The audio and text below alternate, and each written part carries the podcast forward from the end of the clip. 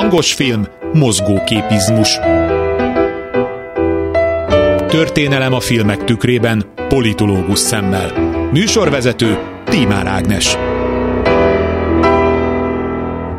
Jó napot kívánok a szerkesztő műsorvezető Tímár Ágnes köszönti Önöket. Történelmi műsorunk első szériájában a liberalizmus filmvásznon való megjelenését vizsgáljuk.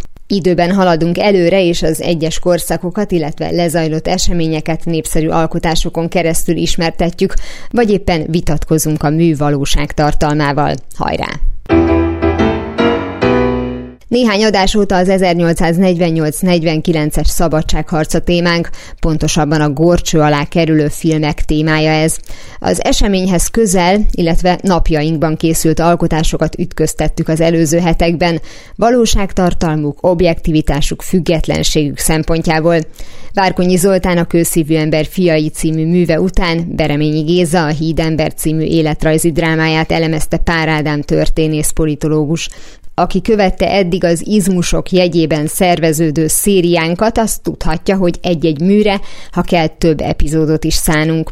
Így tettünk a hídemberrel is, amelytől apró részleteire szedésével a mai adásban búcsúzunk és nyomban bele is kezdünk egy mind földrajzilag, mind időben távolabbi alkotás vizsgálatába. Szicília felé vesszük az irányt. A Párduc című film eseményeit követve arról beszélgetünk, ki akarta és ki nem az olasz egységet, és egyáltalán milyen akadályokkal találták szemben magukat az egységesíteni vágyók.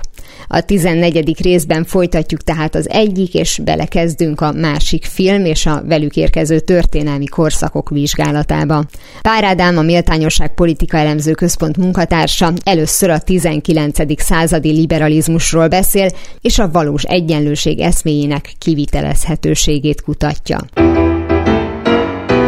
A korszakban azért van egy ilyen lineáris társadalomfejlődés, ugye az az nem, azt nem csak a marxi történelem szemlélethez lehet kötni, hanem pont fordított a sorrend, tehát elő volt a, a lineáris történelem szemlélet, és utána jött a marxi változata, tehát ugye volt egy ilyen történelem szemlélet, hogy elindulunk onnan, hogy a barbárság kora, és aztán jön az, hogy kereszténység, ami megvalósítja az Isten előtti egyenlőséget, aztán ugye megjelenik a jogegyenlőség, és akkor a végén eljutunk oda, hogy demokrácia van. Na most ugye ezt nagyjából így a művelt elmék elfogadták mind, csak azért annyira nem mindenki szerette volna ezt, ezt siettetni, ezt a folyamatot. Azt mondod, hogy voltak egyenlők és egyenlőbbek?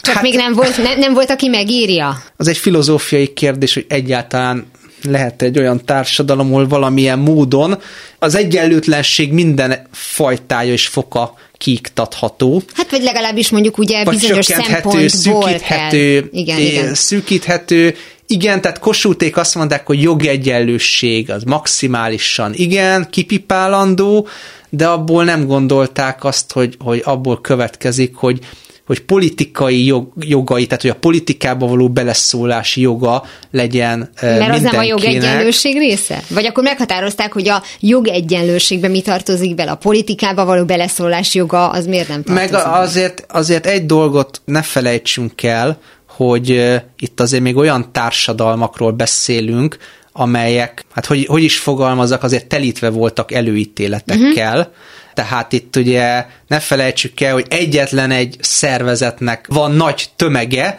ugye a, az egyházaknak, tehát ugye a, a liberálisok, meg már megelőzően a felvilágosodás gondolkodói azért pontosan felmérték azt, hogy azért mindenkit bevonni a politikába, az, az nem, nem biztos, hogy éppen a felvilágosodás híveinek lenne a, lenne a legjobb. Most lehet ezzel nem egyetérteni, meg egyetérteni, de hát azért azért nyilvánvalóan volt egy olyan felfogás is, hogy attól tartottak, hogy, hogy nem, nem a lelkiismeret és vallásszabadság hívei jönnének ki jól abból, mm-hmm. hogyha mindenki, mindenki szabadon választhat.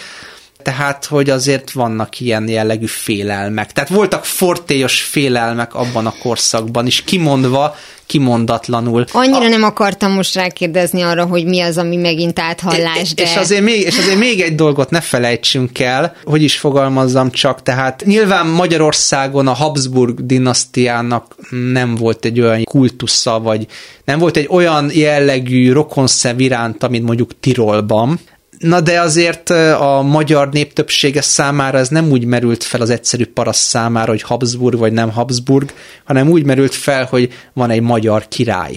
És Ahogy az, korábban és is megszokták, nem... hogy az adott király Igen. az ezerféle családból mm-hmm. származik, és már kimondja meg, hogy görög vagy... vagy igen, vagy... igen, majd még fogunk látni ilyen példákat, hogy, hogy egyáltalán nem voltak arról meggyőződve ezek a művel tájékozott, felvilágosult emberek, hogy egyébként nem lehetne a népet nagyon könnyedén a király és egyház, a trón és az oltár jelszavával ugye fölhergelni, és hát ugye abból meg, abból meg elég borzasztó helyzet adódik, ugye erre 1799-ben Nápoly, meg 1846-ban Galícia, elég, elég csúnya példát szolgáltatott. Tehát, hogy itt azért vannak bizonyos fortélyos félelmek József Attillát idézve. Visszatérve a Széchenyi filmre, Igen. azt hiszem, hogy ez a leggyakrabban elhangzó mondat a beszélgetésünkben. Most mindig sikerül. Széchenyi is egyébként pont ettől tartott, amit az előbb elmondtam. Igen, mert ugye innen is kezdtük a dolgot, hogy vajon, hogy vajon ez a két irány, ez ebben is különbséget tette? Különbséget tett. Szóval Igen. visszatérve Bereményi filmjére, a Hídemberre, például a választójoggal kapcsolatos, és a filmen nehez nehezebben ábrázolható, de nagyon is fontos mm. kérdések, mennyire tudtak megjelenni, szemben azzal, hogy egyébként technikailag még ma is nagyon látványos, a, ahogy, mm. ahogy kivitelezték, azzal, hogy milyen szép, ahogy a, a híd valóban mm. ugye épül, hogy milyen jó pofa dolgokat hoz Angliából mutogatni, hogy milyen szépen fejlődik tulajdonképpen Székes Lényegében a mozdonytól kezdve a vízöblítéses WC-ig Széchenyinek sok igen. újítására de, utalnak. Az, igen, tehát hogy attól függetlenül, hogy egy ilyen budapesti nemzetközi vásárt csinálnak, mm-hmm. mármint a néző mm-hmm. számára, azon túl ezeket a jogi kérdéseket például be tudja vonni akár mondjuk egy dialóg esetében? Tehát, hogy felmerülnek-e Széchenyinek mm. azok a nézetei, amiről eddig beszéltünk? Hát tulajdonképpen akkor a filmnek a egyetlen ilyen hiányossága szerintem meg is fogalmazódik, mm, hogy, hogy én például ezt hiányoltam. Tehát ugye utaltunk a jogegyenlőség kérdésére, például erről nem sok szó esik. Jobbágy felszabadításról nem sok szó esik, mondjuk arról Széchenyi nem is nagyon írt mm. sokat, tehát az ő számára más, más volt a, az érdekes, más volt a, a koordináta rendszer. Tehát a jobbágyának kész csókon túl nem, nem, nem volt nem, ilyen érzés, nem, nem, nem merült fel ilyen. Mondjuk ezek nagyon nehezen megfogható dolgok a, a mozifilmen. Éppen Herman Roberttel volt egy interjú, aki pont ezt vetette fel, hogy, hogy Kossuth Lajosnak talán azért is kicsit napjainkban kisebb a népszerűsége, mert hát ugye ha megnézzük, hogy mit alkotott Széchenyi, tudjuk mutogatni, hogy Lánchíd, Aha. Vigadó, lóverseny, na de most az, hogy jobbágy felszabadítás, ami Kossuthnak a, a legnagyobb politikai eredménye, hát most az hogyan ábrázolható, hogyan fogható meg? Lehet tesztelni a filmeket egy activity játékkal. Rajzold le azt, hogy MTA, azt lerajzolod. Rajzold le azt, hogy jobbágy felszabadítás. Igen, és, az a, és mit, mit lehet hát? azon csinálni? Nyilván nagyon élénk fantáziával lehet alkotni valamit, de ez egy nagy kihívás egy filmrendező számára. Hát vagy pedig nyilván a modern módszert követve, ami nagyon fontos. Bereményi Géza, és ezt nem kritikaként mondom, egy egyébként bizonyos szempontból várkonyi típusú, látványos, romantika korabeli filmet akart gondolom uh-huh, csinálni, illetve ahogy ugye beszélünk róla, hogy a, a kevésbé látványos kérdéseket kihagyta, és nem biztos, hogy azért, mert azt mondja, hogy akkor ezt fedje baladai homály, hogy mit uh-huh, gondolt erről Széchenyi, hanem mert egyszerűen a, a néző azt akarja látni, hogy szépek a ruhák, hogy látványos, hogy épül a híd, és a többi. De hogyha valaki máshonnan közelíti meg, és a már általunk felvázolt Kossuth filmet forgatja le, az nem a klasszikus történelmi filmet fogja elkészíteni, uh-huh. hanem egy dialógban gazdag filmet, uh-huh. ami viszont egy sokkal nagyobb figyelmet lehet, hogy nagyobb tudást és tájékozottságot is elvár a, a nézőtől, szóval, hogy nagyobb energia szükséges ahhoz, és hogyha azt befektetted, akkor kapsz cserébe egy mm. egyébként ugyanolyan szintű élményt, mint hogyha vizuálisan kaptad volna, de valóban nem dőlhetsz hátra, és élvezheted csak azt, hogy de szép a híd. Uh-huh. Igen, igen, igen, tehát mindenképpen ez egy nehezebb, nehezebb kihívás. Tegyünk még hozzá ehhez még valamit, hogy Bereményi Géza azért vállaltan Széchenyi naplóját tekintette uh-huh. a mhm. film forrásának, tehát ez vállaltan egy szubjektív írásmű alapján készült. Persze, ez megvédi a filmet, abszolút. Uh-huh. Már ha egyáltalán védelemre szorul. Fontos pontja, mert amikor és ezzel kezdtük ugye a filmről való diskurzust, hogy megosztó volt, amikor bemutatták. Uh-huh. Az egyik ilyen kérdés pont az volt, hogy öngyilkos lette Széchenyi vagy sem. És igen, ezzel kapcsolatban igen. még ugye interjúkra is behívták a Széchenyit játszó Eperjes Károlyt, és megbeszélték az összes uh-huh. közreműködővel, meg mindenkivel, uh-huh. hogy, hogy ezt hogyan kell értelmezni. Szerinted ez ebből a szempontból fontos a történetben, mert hogy ugye itt azt is mondták, hogy mentálisan vajon mennyire volt stabil, és a többi, vagy ez egy olyan pont, ami az ő emberi részéhez tartozik, és ahogy már beszéltünk róla, sok történészt az a része nem érdekli, hogy mm. az emberi része mivel. Szóval, hogy erről neked mi a véleményed? Igen, a ilyen függetlenségi kurucos gondolatkörrel való meggyanúsítás mellett ez volt a másik támadható pontja a filmnek, ugye, hogy homályban hagyták, hogy mi is történt Széchenyivel, és akkor hát ugye a végén, amikor a rendőr főnök letolja a beosztottját, akkor ott kicsit kicsit úgy hangzik, mintha a beosztott megölte volna Széchenyit, de ez, ez egyébként attól függ, hogy te hogyan nézed azt a jelenetet, és hogyan hallgatod azt a monológot, mert az is kiolvasható belőle, hogy igazából azzal követett el baklövést, hogy Széchenyit úgy engedték, hogy öngyilkos legyen. Tehát, hogy ez nagyjából a nézőnek a fantáziájára van bízva, és hát Magyarországon én azt vettem észre, de magamra vállalom a tévedés ódiumát, hogy Magyarországon nem nagyon szeretik azt, amikor ilyen történelmi eseményeknél a nézői fantáziára próbálnak hagyatkozni. A nézők vagy az alkotók? Történészek ja, jelentős része nem, talán, talán ma, már, ma már jobban elfogadják, hogy a film az más, mint, mint, mint egy dokumentumfilm, de hogy nem nagyon szeretik tehát azt, amikor valaki így a történelmet alapanyagnak tekintés és játszik vele. Nekem egyébként meggyőződésem, hogy a legtöbb ilyen probléma ezekkel a történelmi filmekkel döntően emiatt van, de hát most ez olyan dolog, hogy aki a valóságra kíváncsi, ha egyáltalán... Az építsen tud, időgépet. Ha egyáltalán tudjuk, hogy mi a valóság, mert ne felejtsük, hogy a valóságot onnan tudjuk, hogy fennmaradtak források, már pedig minél mélyebbre megyünk a múltba, ezek annál szorványosabbak, és csak írásos források lehetnek. És azt is, hogy győztesek írják, ahogy azt tudjuk. Igen, tehát, hogy, tehát, hogy uh, én, én azt, azt gondolom, hogy ez okozza a problémákat. Ettől függetlenül nyilvánvalóan egyértelműbbé lehetett volna persze tenni, hogy Széchenyit öngyilkos lesz, az is érthető, egy érthető művészi szándék, hogy ezt nem akarták ugye premier plánban, megcsinálni, Egy hanem, hanem csak érzékeltették. volna szerintem.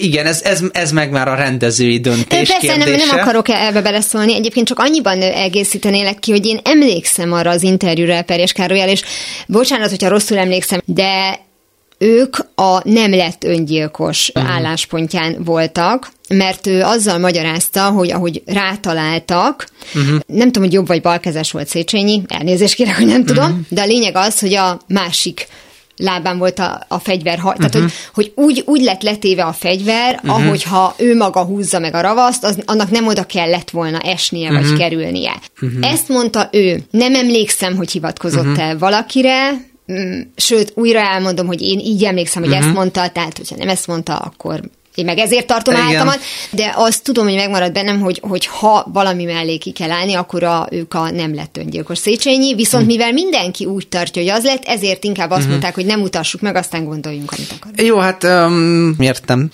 Erről még történészek azért, azért fognak még vitatkozni, meg beszélni erről, de hát nagyjából most az az álláspont, ami biztosnak látszik, hogy, hogy, hogy öngyilkos lett, és hát ugye ettől, ettől függetlenül azért azt gondolom, hogy a bírálatok ezzel a filmmel kapcsolatban meglehetősen túlzók mm-hmm. voltak.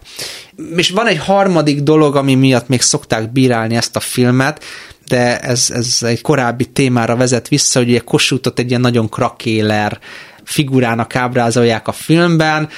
Na most ne felejtsük el, hogy megint csak Bereményi Géza ugye azt nyilatkozta, hogy Széchenyi naplója alapján készült a film, tehát nyilván Széchenyinek a szemével látjuk. Igen, igen. Nyilván, hogyha Kossuth Lajosról készített volna a filmet, Kossuth szemével Széchenyi lett volna egy árnyalatnyival negatívabb szereplő, tehát én ebben sem, ebben sem látok semmi problémát. Igen. Úgyhogy összességében véve azt gondolom, hogy egy jó életrajzi film a Hídember, abban a tekintetben nem hibátlan, de hát mi hibátlan, nincs ilyen, mert akkor már a mesterséges intelligencia korában lennék, a mesterséges intelligencia gyártana filmeket, ha hibátlanok lennének. Na, de, erről akkor is van meg... vita, hogy az is hibázik, mert Így hogyha van. egyszer mesterséges intelligencia, és nem Igen. jobb az embernél, csak ugyanolyan, akkor neki is lehetnek érzései, és ő is lehet el, elcsigázott, Így és van. ő is hozhat rossz döntéseket. De, de minden esetre, minden esetre majd, amikor algoritmusok gyártanak filmet algoritmusoknak, akkor majd lehet számon kérni a, a valós történelmet, mm. csak ugye az a probléma, hogy nem létezik ugye történelem és történelmi film ember nélkül, úgyhogy én azt gondolom, hogy ha mindezt számba vesszük, akkor a hídember semmivel nem rosszabb alkotás, mint bármelyik másik nagy játékfilm, ami a 90-es években a mi régiónkban készült, sőt, hát ugye Széchenyi arcélének a megismeréséhez szerintem ez egy nagyon hasznos film. És ezt zárszónak is tekinthetjük a filmmel kapcsolatban, hogy a következőre áttérjünk, csak az jutott eszembe, hogy amikor algoritmusok gyártanak filmet algoritmusoknak, hogy hogyan nevet és hogyan sír egy algoritmus. De hát ez azt az... meg akarom majd nézni. Igen, igen, igen. Hát az jobb, jobb lesz, jobb, ha, ha nem, nem tudjuk látjuk, meg. Igen. igen térben változtatunk, időt nem változtatunk, mert az már kiderült, hogy időgépet nem épített eddig senki, úgyhogy nincs lehetőségünk.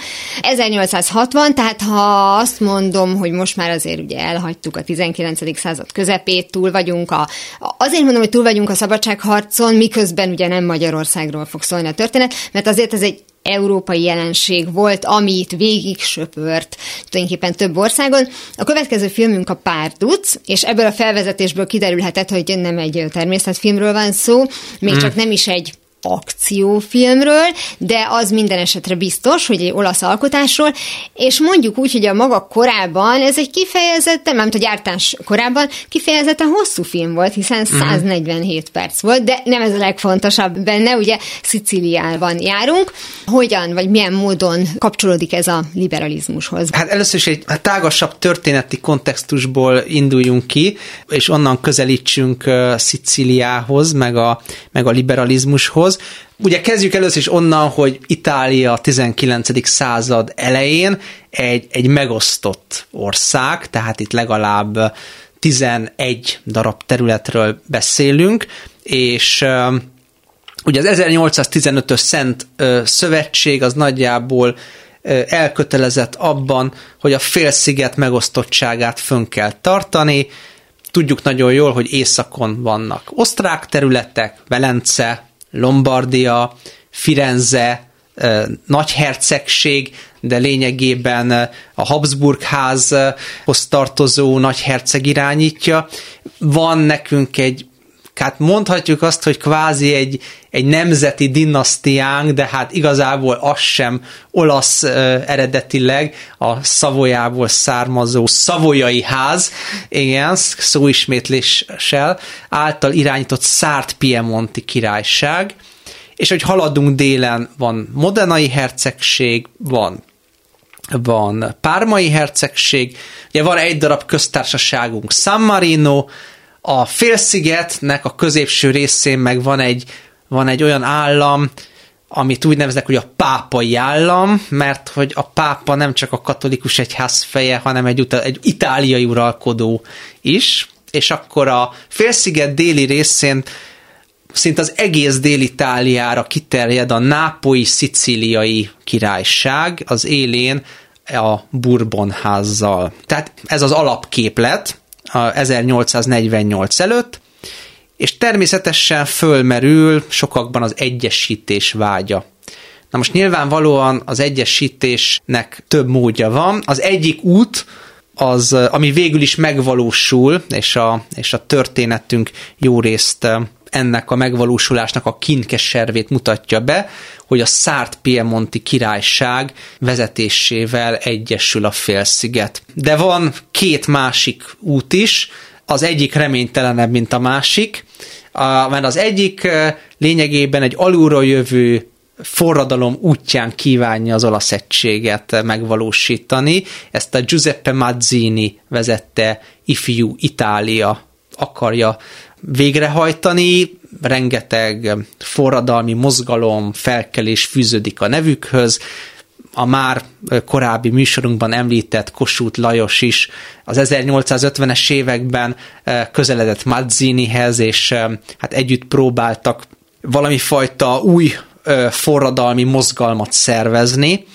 de hát lényegében 1848 után ez az alulról jövő demokratikus népmozgalmak által kivívott forradalom lekerült a napirendről. És akkor van egy harmadik út, ami, ami nagyon egzotikusan hangzik, de valójában nagyon logikus, ha belegondolunk, ugye felvetődik bizonyos értelmiségiekben az, hogy a pápa vezetésével kéne megvalósítani az olasz egységet, és akkor hát ha ez így történt volna, akkor milyen, milyen mókás is lenne, hogy az katolikus egyház, mint egy világra kiterjedő egyháznak a feje az egyúttal Olaszországnak az államfője. De ez mennyiben lett volna durvább, mint ahogy korábban beszéltük, hogy pár száz évvel uh-huh. ezelőtt, meg hadvezérpápák voltak, tehát hogy simán elment egy, egy háborúba harcolni. Szóval ugye a lényeg az, hogy páncélban látni a pápát, az mennyivel kevésbé abszurd, vagy mondjuk mennyire kevésbé hat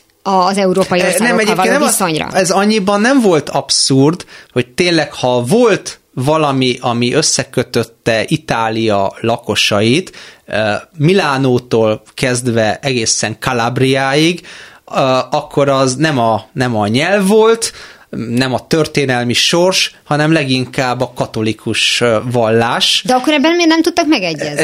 Ebben azért nem tudtak megegyezni, mert egyrészt mégiscsak azért a, a katolikus egyházfő nem volt érdekelt abban, hogy létrejöjjön egy nem itáliai egység. Nem volt érdekelt egészen 1846-ig, mert 1846-ban került Szent Péter trónjára 9. Pius pápa, uh-huh. aki viszont egy ideig úgy tűnt, hogy beváltja a liberálisok reménységét, tehát kiengedte az inkvizíció börtönéből a politikai foglyokat, amnestiát hirdetett, sőt 1848-ban, mikor a Szárt Piemonti királyság vezetésével egy itáliai szövetség jött létre Ausztria ellen, akkor a pápa pápa is beszállt ebbe a szövetségbe. E, igaz, hogy nem, nem túl jó kedvel, de hát aztán kitört Rómában a forradalom, és hát valamiért, valamiért a pápának az nem, nem tetszett, hogy a miniszterelnökét Rossi grófot meggyilkolták, tehát ez, ez úgy nem nagyon fért bele a könyörület meg a fele baráti szeretetnek a keretei közé, és a pápa elmenekült Rómából, sőt a pápai francia, spanyol, nápoi csapatok közösen verték le a római köztársaságot, ahonnan Garibaldi egy picint csapattal el tudott menekülni a mai San Marino területére. Úgyhogy lényegében Pius pápának ugye a saját fővárosa elleni, hát lényegében szükségszerű hadjárata miatt ez lekerült a napirendről, szóval a liberális nacionalisták számára Pius nem váltotta be a, uh-huh. a hozzáfűzött reményeket és innentől kezdve maga ez az egész terv is elbukott, és akkor ugye maradt az a megoldás, hogy a Szárt Piemonti királyság vezetésével jön létre az olasz egység. Igen ám, de a Szárt Piemonti királyság meg önmagában véve gyenge volt, ezért szüksége volt egy nagy hatalom támogatására, ez lett harmadik Napóleon Franciaországa, és ugye 1859-ben a, a szárt francia-osztrák háborúban megszerzik Lombardiát, 1860-ban Toszkána, Modena, Párma föllázad a saját uralkodói ellen, na és akkor most jutunk el oda, hogy 1860 májusában Garibaldi ezer emberével, a legendás ezrekkel, akik valójában 1089-en voltak, és két gőzhajóval elindul Genovából, és partra száll a szicíliai Marszalában. A következő adásban Pár Ádám történész politológus vendégünkkel maradunk az 1860-as évekbeli Itáliában, és tovább elemezzük a Párduc című alkotást. Ez volt már a hangos film mozgóképizmus. Legközelebb ismét szombaton délután fél kettőtől várom önöket. Természetesen a korábbi adásokat, ahogy a mait is hamarosan megtalálják archívumunkban, valamint podcastként. Kövessenek minket a Facebookon, és ha még nem tették, iratkozzanak fel YouTube csatornánkra. Köszönöm a figyelmüket, a szerkesztő műsorvezetőt, Tímár Ágnest hallották. Viszont hallásra! Hangos film, mozgóképizmus. Műsorvezető Tímár Ágnes